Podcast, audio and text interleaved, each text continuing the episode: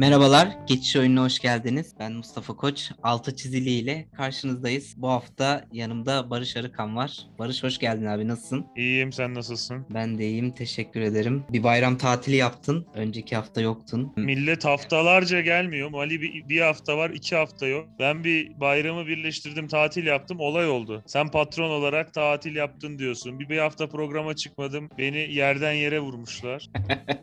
ya işte böyle oluyor. Mali artık şey yaptı zaten. Ligin sonuna doğru saldı. Piyanist gibi hastayım deyip oynamayıp ertesi gün yurt dışına maça gidiyor falan. Lazio Juventus maçını izlemeye falan gidiyor. Onun gibi. Senin nasıl geçti tatilin? Bir beyaz yakalı İyiydi. olarak bağladın o iki günü de. Dinlendim. Güzel oldu. Bayağıdır tatil yapmıyorum. Ben izini az kullanan biriyim zaten. Ben çok uzun tatil sevmiyorum. Böyle iki gün, üç gün izin alınca bana çok iyi geliyor. Biz de koştur koştur bir Ankara yapıp sonra geri dönmek zorunda kaldık mecbur. Ee, resmi olarak bir tatil olmayınca ki Ankara'ya geldiğimde de seni görmek istiyordum bu sefer ama denk gelemedik aynı Zaten anda hiç görüşemiyoruz Ankara'da. Ben olduğumda sen olmuyorsun. Sen olduğunda ben olmuyorum. Evet evet. Bayağı oldu değil mi? Geçtiğimiz yazdı galiba en son. Birlikte görüştük. Bir görüştük İstanbul'da görüştük bir de. Evet. Büyük bir buluşma da e, geçtiğimiz hafta sonu İstanbul'da gerçekleşti biliyorsun. E, Burada Hüseyin abiyle beraber hep beraber buluştuk. Bir Çağatay abi gelemedi İstanbul tayfasından. Bir o katılamadı. Onun dışında herkes birbirini gördü. Hüseyin abi geldi deyince herkes koşa koşa gelmiştir tabii yani. Evet ya güzel oldu. Hep beraber bir toplanıp bir görüşme fırsatımız oldu. Tabii aynı anda bütün herkes birden şey yapamadı, gelemedi tabii ama e, bir ara 4 kişi olduk, bir ara 3 kişi olduk, bir ara 2 kişiye düştük, tekrar 3 olduk falan. Ama yine de bir şekilde görüşmüş olduk. İyi yapmışsınız. diyerek e, yavaştan bu hafta konuşmak istediğimiz konulara geçelim ki deminden sen Mali'ye salladın. Bir tanesinde de o e, Vakıfbank Fenerbahçe voleybol finaline gitmişti. Ki o zaman bana da kızdın. Mali'ye bir şey demiyorsun ya baksana adam nerelere gidiyor diye. O maça da gidilirdi. Ki Ben diyorum ki böyle patron bırakıp olunmaz koşa koşa diyorum. giderdin yani. Böyle patron olunmaz diyorum ben. Yani yok işte Mali tabii git. Mali'nin gitmesi normal. Öbürününki şöyle. O böyle. Böyle olmaz. Sen ipin ucunu bırakırsan Mali tatile de gider. Öbür hafta uy- uyuya da kalır.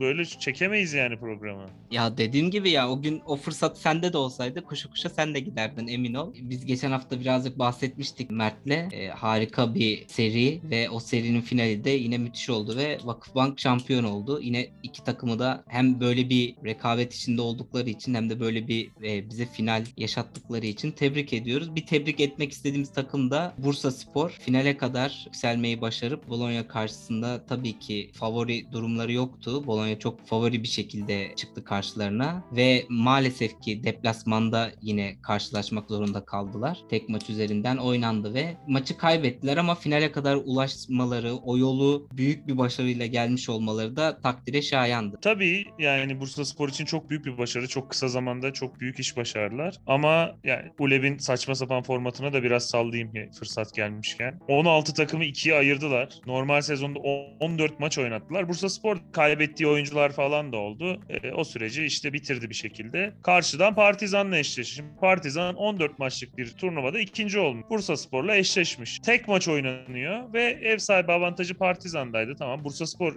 mükemmel bir sezon geçirdi. Hiç laf. Ama Partizan'ın yerine koyun bir de kendini. Adamlar güzel tek maçta yenilip 14 maçı oynayıp ardından bir maç kaybettiler diye evlerine döndüler güzel güzel. Bursa Spor süreci tabii iyi idare etti. Bir de tabii tek maç olunca Bursa Spor'un pek kaybedeceği bir şey de yoktu. Çok iyi bir koçları var. İyi kelepir aldıkları çok iyi oyuncular var. Onlarla işte bir e, iyi bir yapı kurdular. Sonra mesela Olimpia Ljubljana da yılın takımı. Normal sezonda da Bursa Spor'u bir şekilde yenmişti yanılmıyorsam. Onu da yendiler. Onu da gönderdiler. Sonra zaten iyi bir kura geldi. Mursi'ye geldi. Finale de Virtus Bologna. Virtus Bologna zaten çoğu Euroleague takımından daha iyi. Ben söyleyeyim. Fenerbahçe'den falan iyi kadrosu var. E, deplasmanda kazanırsa Euroleague'e gidecek Virtus Bologna. E, toplamış CSK'dan zaten topçuları da. Yine iyi mücadele ettiler. Maçın içinde kaldılar. Biraz denk gelse kazanabilirlerdi. Olmadı. ikinci oldular. Ben tebrik ediyorum kendilerine. Güzel bir performans gösterdi. Ulebi de yine bir kere daha sallayayım. Yani bu kadar kötü bir format nasıl olur? Eskisi gibi bari iç saha dış saha bir averaj falan hadi yazık günah ya bu takım. O kadar maçı boşa oynadılar yani. Bunu da belirteyim. Ruslar da gidince çünkü hemen hemen hepsi tur atladı. Onun Evet. için söyle. Neyse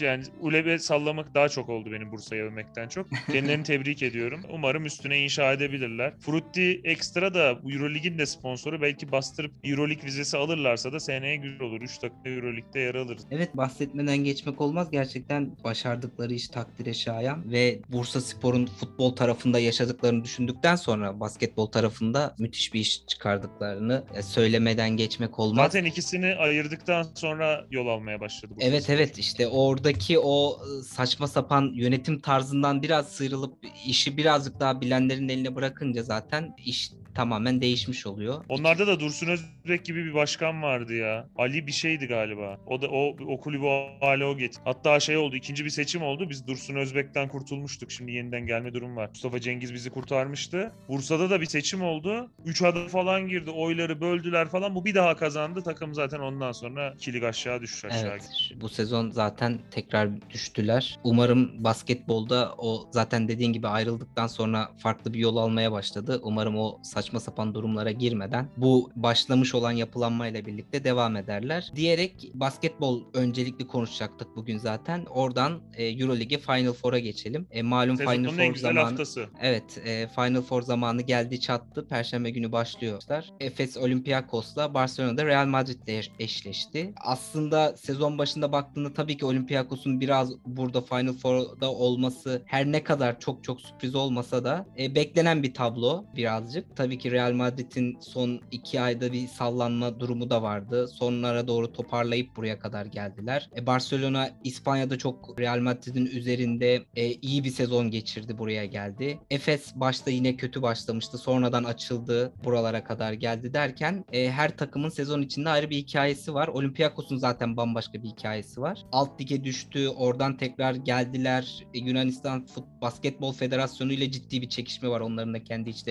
ki bu sezon için en azından her ne kadar burada Final Four'da olmaları müthiş bir iş ama bir taraftan da Yunan Ligi'ni kazanmak da onlar için çok önemli bir hedef olduğu bu çekişmelerden dolayı orayı kazanmanın da çok büyük bir hedef olduğu konuş taraftan. Çok ciddi bir motivasyon oluşturmuş durumda bu Olympiakos tarafına da. E, bir taraftan da Efes geçtiğimiz sezonun şampiyonu. Bir önceki sezonu tamamlanmış olsa muhtemelen orayı da şampiyon olarak bitireceği bekleniyordu. Böyle bir Orada bir tablo var. lanet var. ama. Öyle bir lanet var. Normal sezonu birinci bitiren kazanan. E, tabii ki o da var bir taraftan. E, böyle bir Final Four bizi bekliyor. Dediğim gibi her takımın kendi içinde sezon içerisinde bir ayrı bir hikayesi var. Ve eşleşmelerin özelinde bakacaksak ilk önce Olympiakos Efes eşleşmesini konuşalım. Sence e, nasıl bir tabii ki Efes bir adım önde görünüyor. En azından genel olarak iki eşleşmeye baktığımızda Barcelona ve Efes'i birazcık daha önde görebiliriz diğer bir takımdan ama tabii ki yine de birbirine çok denk, çok eş e, dört takım şu an burada neredeyse. Sen özellikle Olympiakos Efes eşleşmesi hakkında neler söylüyorsun? Allah çok güzel eşleşme oldu. Yani Euroleague yönetimi ayarlasa herhalde Real Madrid'le Barcelona'yı Efes'le Olympiakos'a eşleşti. Bir Ege derbisi diyebiliriz. Şimdi Fenerbahçeliler kızmasın ve bir dinleyen eminim çok Panathinaikoslu vardır. Onlar da kızmasın. Ee, ülkenin iki ülkenin en önde gelen iki lokomotif basketbol kulübü. Ee, işte Obradovic'in Panathinaikos ve Fenerbahçe dönemini çıkarırsan İki ülkenin de basketbolunun lokomotifi bu iki takım. Ve Efes son yıllarda Ergin Ataman'la bayağı toparlandı. Geçen zaten söylemeye gerek yok. Olympiakos da kötü sezonlar geçiriyordu. Benim iyi Olympiakoslu bir arkadaşım var. Ben diyorum niye Bartsokas'ı geri getirmiyorsunuz? O üst üste iki şampiyonluğun ikincisinde Bartsokas vardı. Ee, onlar da çok Panathinaikos'a kaybetti diye göndermişlerdi ama sonra iki yakaları bir araya gelmedi. Sonunda getirdiler istemiyordu işte o da Panathinaikos e, çok kaybetti işte o ara sallandı diye ama e, gittiği her takımda da başarılı oldu Bartsokas. Benim çok beğendiğim bir Kuban vardı. Orada da çok başarılıydı işte Singleton'lı, Randolph'lu, e, Malcolm Delaney'li takımdı. Final Four'a götürdü Kuban'ı. Gittiği her takıma eli değiyordu. Bu sene de işte bence çok iyi bir kadroları yok. Ama eldeki malzemeden iyi bir yapı kurdu. Bunu söyleyebilirim. İyi de sezon geçirdi. Özellikle sezon sonunda doğru Real Madrid'de sallanınca, Milano'da sallanınca sezonu ikinci bitirdiler. Gayet iyi önceki sezonları düşününce. Çünkü şey artık çeyrek final playoff yapamaz hale gelmişlerdi. Kadroya baktığımda da yani öyle çok önemli, çok üst düzey oyuncular yok. En önemli oyuncuları olarak söyleyebileceğim Kostas Sulukas hepimizin tanıdığı. E, hala Printezis duruyor. Papa Nikolaou var. Papa Nikolaou iyi. İşte daha önce bizim ligimizde de oynamıştı Şakil McKissick var. Yani işte Mustafa Fal biraz ters oyuncu ama yani diğer üç takıma göre bence kadrosu daha vasat. Ama iyi bir koçları var. O iyi bir düzen kuru- kuruyor. Bir de tek maç şimdi. Tek maçta ne olacağını öngörmek kolay değil. E şunu da sen de söylediğin gibi bunlar hani çok büyük farklar olan takımlar değil birbirleriyle. Normal sezonda da birbirlerini yenebilmişler bu dörtlü. E şimdi iyi bir hazırlığı olacaktır koçların. E şimdi formda bir Larkin, Misic olursa tabii ki Panathinaikos, Olympiakos'un işi çok zor. Ama olmazsa da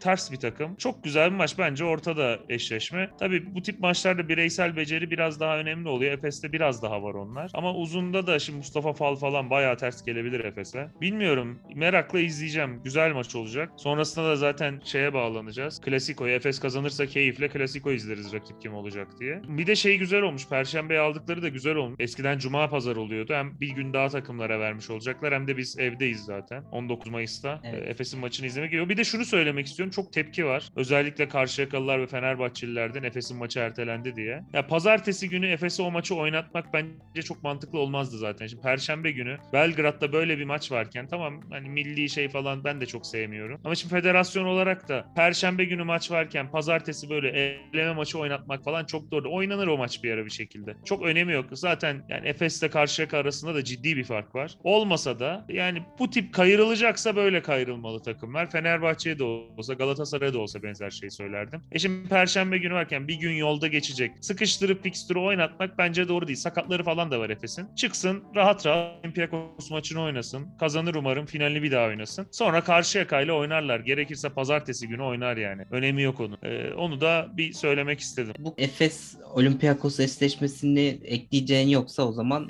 bu erteleme kısmına da değindikten sonra Barcelona Real Madrid eşleşmesine geçelim. Yani Madrid sezon içinde çok sıkıntı yaşadı. Deminden de bahsettim. Özellikle Mart-Nisan ayını çok kötü geçirdiler. İşte bir dönem bayağı bir performansları sorgulanacak boyuta falan da geldi. Ama her sezon olduğu gibi burayı hedefleyen bir takım. Sonrasında e, toparlamayı bildiler. Özellikle Maccabi serisini çok iyi geçtiler. 3-0'la geçmeyi başardılar. Ve tekrar hani ne kadar ciddi olduklarını hedeflerinde tekrar ortaya koymayı başardılar ki Barcelona da çok iyi geldi buraya kadar ki sezon boyunca da özellikle İspanya e, tarafında e, Madrid'de olan o çekişmede sezonu dom- domine etmeyi başardılar açıkçası. Burada da son işte 7 maçın 6'sını kazanarak geliyorlar. Sen nasıl bir e, eşleşme bekliyorsun? Hani şimdi şöyle de bir durum var. İki takım arasında hani futbolda deli bir rekabet varken İspanya basketbolunda da çok ciddi bir o iki takımın tekrar ligin geri kalanının çok çok üstüne çıktığı bir durum oluştu. Aynen e, futbolda olduğu gibi.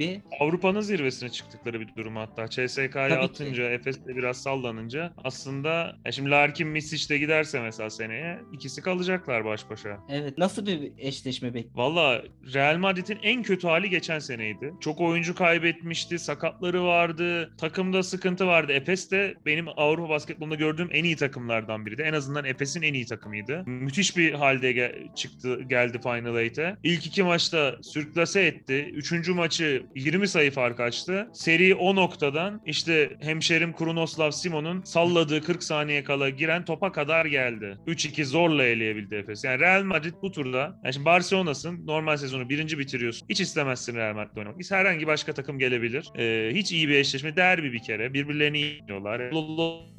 Yıllardır o takımın başında. Ee, yani tabii ki Barcelona form olarak sezonun bu noktasına geli- gelişik olarak daha iyi ama öte yandan e, şimdi Real Madrid'le oynadığı zaman da bir derbi sonuçta. E Pablo Lasso en tecrübeli koç içlerinde. Jasikevic iyi bir koç ama Final Four'a gelen en tecrübeli koç. Defalarca yendi Barcelona'yı. Bence elindeki kadro da iyi. Biraz guard planu sıkıntılı ama uzunları falan çok çok e, Barcelona'ya da üstünlük kurabileceğini düşünüyorum. E, çok çekişmeli, çok sert bir maç olacak bence. E, şu kazanır diyemiyorum ben. Ortada görüyorum. E, turu geçerse de Efes için de Efes ikisini de yenebilir. ikisine de yenilebilir. Ortada maç olur. Yani bence ee, Olympiakos iki maçı birden kazanamaz muhtemelen. Ama diğer üçünün de şansını yakın görüyorum ben birbirine. Tabii ki bu ikiliden bir tane rakip seçmek çok çok zor. Dediğim Ya Real Madrid'in eksikleri var, karışık falan diyorlar da. Ya işte orada tek maç ve Lasso var. E, Geçen seneyi de gördükten sonra işte bu sene daha da kötü diyorlardı. Maccabi işte şöyle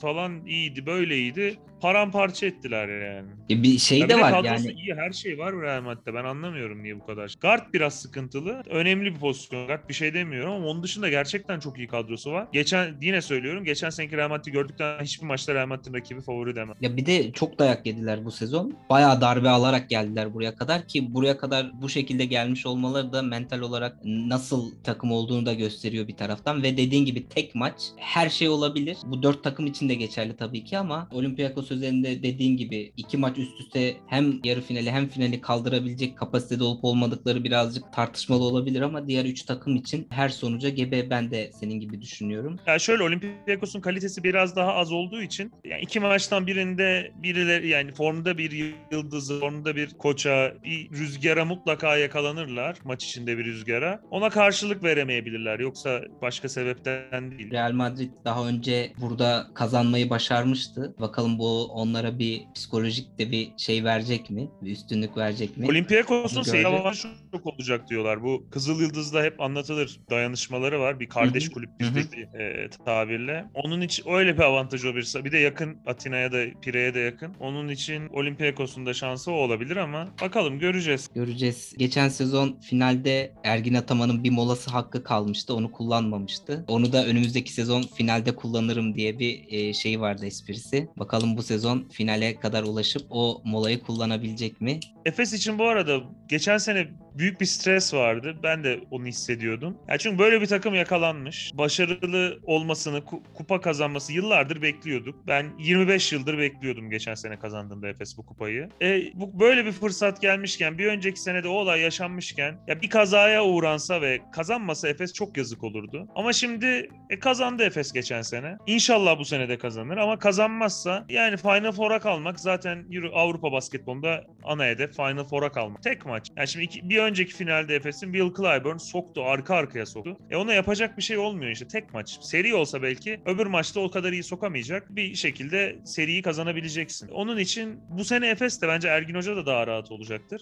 Tabii ki şampiyonluk herkes ister. En büyük hayalidir. İki sene üst üste Euroleague şampiyonu olmak bizim pek denk gelmediğimiz bir şey. En son Olympiakos başardı diye hatırlıyorum ben. E, onun için tabii ki şey ama daha da rahat, daha da keyifli izleyeceğiz. Umarım pazar günü ikinci Euroleague kupasını getirir Efes. Umarım. Ama şöyle de bir şey var. Bilmiyorum katılır mısın? Hani böyle Ergin Ataman tarzı hocalar daha çok gerginlikten, olumsuzluktan ya da ne bileyim o baskıdan böyle bir şeyler çıkarmayı başaran e, hocalar. Tabii ki geçen sezona göre çok daha rahat bir hali tavrı var. Hatta Barcelona maçında deplasmanda o kupa kaldırma hareketini yaparak oyun, oyundan dışarı falan da çıkmıştı. Onları çok iyi becerir tabii. Evet yani müthiş bir özgüvenli de var zaten. Çok özgüvenli bir adam zaten de. Hani bir taraftan o geçen sezonun da bir özgüveniyle bir taraftan da burada olacak. Bakalım o farklı e, durumlarda karakteri ortaya nasıl koyacak bu Final Four'da birazcık da ben onu görmek istiyorum. E, Ergin Ataman'la ilgili şunu söyleyeyim. Şeyi hatırlıyorsundur bir Dıl Yıldız taraftarı öldürülmüştü Galatasaray'la Hı hı, hı hı, oynanan hı maçta. hı. Evet. Rövanşına Belgrad'daki salona nasıl girdiğini hatırlıyorsun. Çelik yelekle gitmişti herhalde değil mi? Çelik Gelek de böyle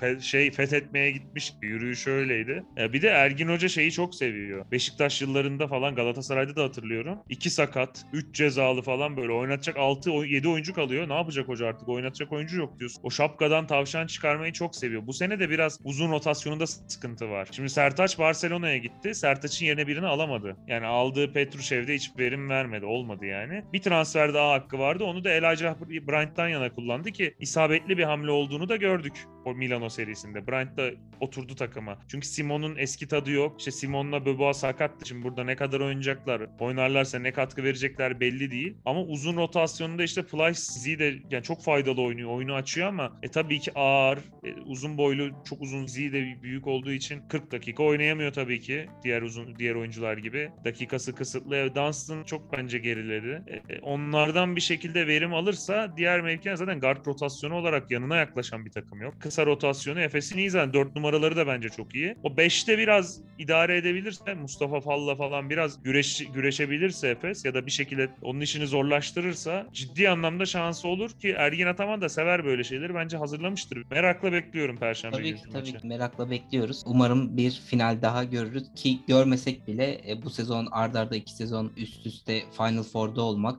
3 e, üç iptal ta- olan sezondan öncesi de final var. 3. Tabii ki aynen. Ee, büyük bir başarı. Dediğin gibi Avrupa basketbolunda zaten ulaşılması istenen ya da beklenen en önemli yer e, düzenli olarak Final Four'da olabilmek. Bunu da başarmış olacaklar. E, final gelmese bile ya da finale çıktığında kupa gelmese bile. Diyerek ekleyeceğim bir şey yoksa abi e, Final Four ve basketbol kısmını yavaş yavaş noktalayacağız. Yok noktalayalım. Birazcık da futbol konuşacağız. E, Avrupa'nın bu sezon her zaman en makine gibi işleyen sistemlerinden biri olarak böyle anlatırız. En sorunlerinden biri olarak Bayern Münih. Ama bu sezon Bayern Münih'te çok ciddi kazan kaynıyor. Sürekli problem olduğu haberleri geliyor Almanya tarafından. E, bu sezon tabii ki yine şampiyon olmayı başladılar ki bunun artık bir haber değeri yok e, Almanya için. 10 sene üst üste nasıl şampiyon ya gerçekten. Ve rakiplerin de kötü yönetilen mesela Fransa'da falan Lille şampiyon oldu da Fransa'da Paris Saint Germain 30 sene de şampiyon olsa garipsemezsin. Veya ne bileyim İtalya'da şimdi iyi yönetiliyorlar da Juventus işte 7-8 sene şampiyondu. Diğerleri rezalet yönetiliyordu. Yanına yakmıyorlardı. Ama ya Dortmund falan bir sene falan nasıl yakalayamadı? Yakalar gibi olduğunda 7-8 puan farktan gelip yine şampiyon. Evet. Ancak bu sezon özelinde her ne kadar şampiyon olunsa bile birincisi Şampiyonlar Ligi'nden elenme. Villarreal karşısında alınan o mağlubiyet. E, bir taraftan da Nagelsmann'ın sportif direktör Salihamidzic'le olan e, anlaşmazlıkları sürekli konuşuldu sezon boyunca. E, oynattığı üçlüden işte oyun tarzına e, çok e, bazı maçlarda özellikle çok riskli oynattığı oyun tarzına. Bir taraftan da Nagelsmann'ın Salihamidzic özelinde yapmak istediği transferlere bir türlü hızlı aksiyon alınamamasından dolayı istediği oyuncuları takıma kazandırılmayışıyla da alakalı bir karşılıklı bir anlaşmazlık var. Bunun sonucunda da görevine devam edip etmeyeceği üzerine de bir sürü e, tartışma devam ediyor. E, bir taraftan da Lewandowski kaybedilecek mi, devam edecek mi o tartışma var. Barcelona'nın ciddi bir ilgisi olduğu da oluyor. Sen sürekli Alman översin, Bayern Münih översin ama bu, bu sezon için bunu söyleyemeyeceğiz pek abi. Şöyle yakın zamanda bu Amazon Prime'deki Bayern Münih belgeselini izledim. İzlemeyenlere de kesinlikle öneriyorum. Orada da gördüm. Şimdi Hansi Flick'le bence Hansi Flick Bayern Münih'in başına geçebilecek en iyi hocaydı. Çok da başarılıydı. Zaten 6 kupalı bir sezonu var. İkinci sezonunda da Paris Saint Germain'e nasıl oynadığını ve nasıl elendiğini hatırlıyorsun. Tabii. Ayrılma sebebi Brazzo diye tabir ettikleri Salihamidzic'le yaşadığı sıkıntılar. Onun için ayrıldı. E fırsat da gelince Alman milli takımı teknik direktörlüğü. Adam bir buçuk sene önce Bayern Münih'te pek çok insanın tanımadığı bir yardımcı antrenörken Alman futbolunun bir buçuk sene içinde önce dünyanın en büyük üç kulübünden biriyle bütün kupaları kazandı. E, ondan sonra ve 6 ay sonra da Alman milli takımının dünyanın herhalde en büyük 3 milli takımından biridir. Başına geçti. Çünkü oradan Bayern Münih'ten zaten sıkıntı yaşayınca. E, onu öyle gönderdi. O belgeselde böyle Flick'i gönderince bir rahatlıyordu. Sonra Nagelsmann'la buluştuğunda çok mutluydu. Şimdi onunla da sıkıntı yaşıyor. Ve şunu da söyleyebilirim. Hep Bayern Münih iyi yönetir. Bu sene Bayern Münih'in en büyük sıkıntısı yedek kulübesi yok. Çok zayıf yedek kulübe. Yani o bir orta sıra Wolfsburg'la falan oynadığında bile yedek kulübesi zayıf. Kenardan hamle yapacak oyuncu yok. Transfer edilen oyuncuların çoğu son yıllarda istenilen verimi vermedi. E burada da tabii ki sportif direktöre yazar bu. Hocaları yiyor. Transferler de şimdi Mark Rowe işte Bonassar geldi. Bunlar hep karavana. E bir tane Santifor yedi. İşte tamam Choupo-Moting takım için soyunma odasında da önemli bir lider. Onun için tutuyorlar. E Lewandowski çok oynadığı için oraya da direkt birini alamıyorlar. Ama işte Lewandowski 3 maç kaçırıyor. Sezonun önemli bir şeyini kaybediyorsun. Orayı da çözemediler. E sağ bek 10 senedir sağ bek Lam orta sahaya geçtiğinden beri sağ bek arıyor Bayern Münih. Yani bir sağ bek bulup alamadı. E, Pavard sağ bek değil. İşte Bonassar'ı aldı. E, Bonassar Bayern Münih'in sağ beki olacak bir oyuncu değil. E, Kimi'yi çekiyorlardı. Orta saha çöktü. Son yıllarda ondan da vazgeçtiler. E, orada bir sıkıntı var. Lewandowski olayı da zaten ayrılacak. Önünde sonunda ayrılacak. Oradaki sıkıntı biraz şimdi Bayern Münih yönetimi de kalacak sözleşmesinin sonuna kadar falan diyor. Bunu demesinin sebebi iyi bir paraya sat. Onu iyi bir paraya satıp bir yerini doldurmak. E, Kalajdzic için adı geçiyor. Kalajdzic tabii Lewandowski'nin yerine gelse olmaz da oraya paraya kıyıp birini alacaklar. Ben de kimi alacaklarını çok merakla bekliyorum. Yani Lewandowski'den sonra kim alır? Dortmund'da Haaland gitti. Bayern'de Lewandowski gidiyor. E, 34 yaşında Lewandowski bir 40 milyon euro falan bekliyorlar bonservis. E, o parayla da koca Bayern Münih biraz üstüne koyup iyi, iyi bir santifor işte alabilir. Arvin Nunez olabilir. Onun adı geçiyor. Yani yani tabii ki o kalitede ya da o beklentiyi karşılayabilecek bir forvet bulmak da e, Aslında vardı. Bayern'e yakışan da bir transfer olurdu da güçleri yetmedi. Haaland. tabii ki ama Dortmund'un kalbini söküp bir kez daha Lewandowski'nin ardından. Bir 10 senede Haaland'ı izlerdi Dortmundlular. Neyse City'ye gitti o. Ama işte o bir Premier Lig ve Bayern Münih çekişmesinde iş nereye giderdi ben yine çok şey yapamıyorum emin Yok olamıyorum gitti, ama gitti zaten. Bayern Münih almak istedi yaklaşamadı. İşte ya Bayern yani- Münih çünkü helal para olduğu için Bayern Münih'inki yaklaşamadı.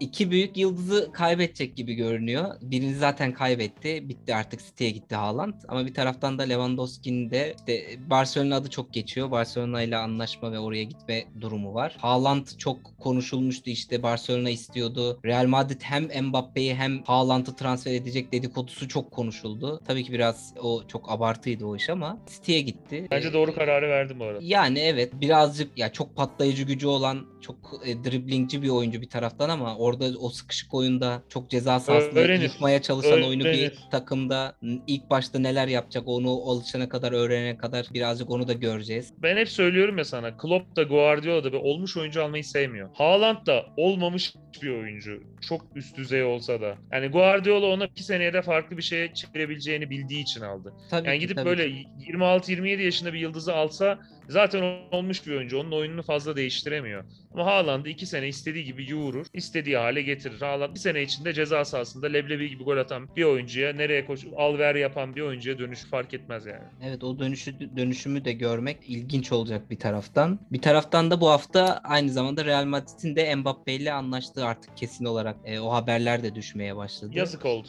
Keşke Premier Lig yapsaydı. Muhtemelen ya onun da işte her futbolcunun bir hayali var. Onun da Real Madrid hayali e, zaten o da çok e, artık saklanan bir şey değil, bilinen bir Dünyanın şey. en büyük kulübü normal. Evet, e, o da oraya gitti. Yani de- bu şeyden sonra salgınla birlikte bir böyle e, düşüşe geçen büyük transfer hareketlilikleri bu sezon bu yazla birlikte artık e, onu da şey yapmış olduk. Çünkü bunlar artık beklenen transferlerdi. Bir taraftan da şimdi Paris Saint Germain'in Mbappe'nin boşluğunu kimle dolduracağı konuşulmaya başlandı. Baya baya hareketli bir yaz geçirecek gibi görünüyor. E şimdi Dünya Kupası'nda Kasım'ı aldılar ya. Evet. Ligler de erken bitiyor. Eğlence lazım.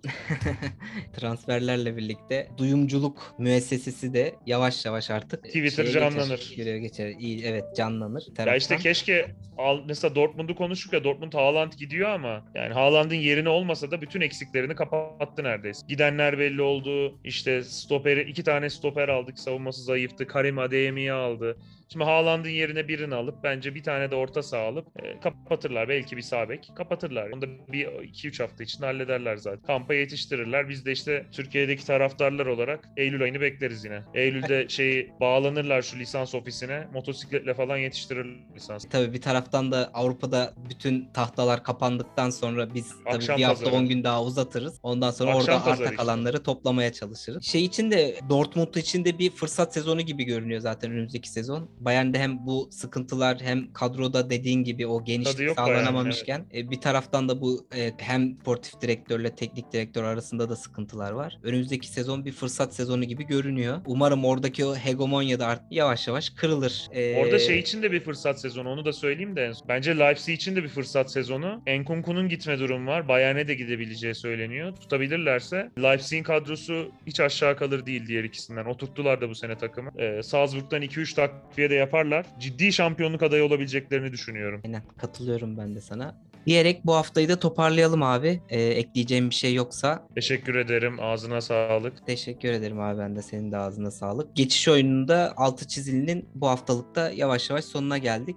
Ee, haftanın öne çıkan konularını konuşmaya çalıştık ki özellikle Perşembe günü başlayacak olan Final Four'a geniş bir yer ayırdık. Önümüzdeki hafta maçlar oynandıktan sonra da tekrar yine Final Four'un bir değerlendirmesini yaparız burada. Güzel biterse yaparız. her türlü yaparız ya her şekilde e, bizim için güzel bir sonuç olacak yine de. Diyerek altı çiziliği noktalıyoruz. Geçiş oyununu tüm podcast mecralarından dinleyebilir ve takip edebilirsiniz. Aynı zamanda YouTube'da GoCast adıyla bizi dinleyebilir, takip edebilir ve en önemlisi görüş ve yorumlarınızı bırakabilirsiniz. Ben Mustafa Koç. Bu hafta Barış Arıkan'la beraberdik. Önümüzdeki hafta yeni konularla tekrar görüşmek üzere. Hoşçakalın.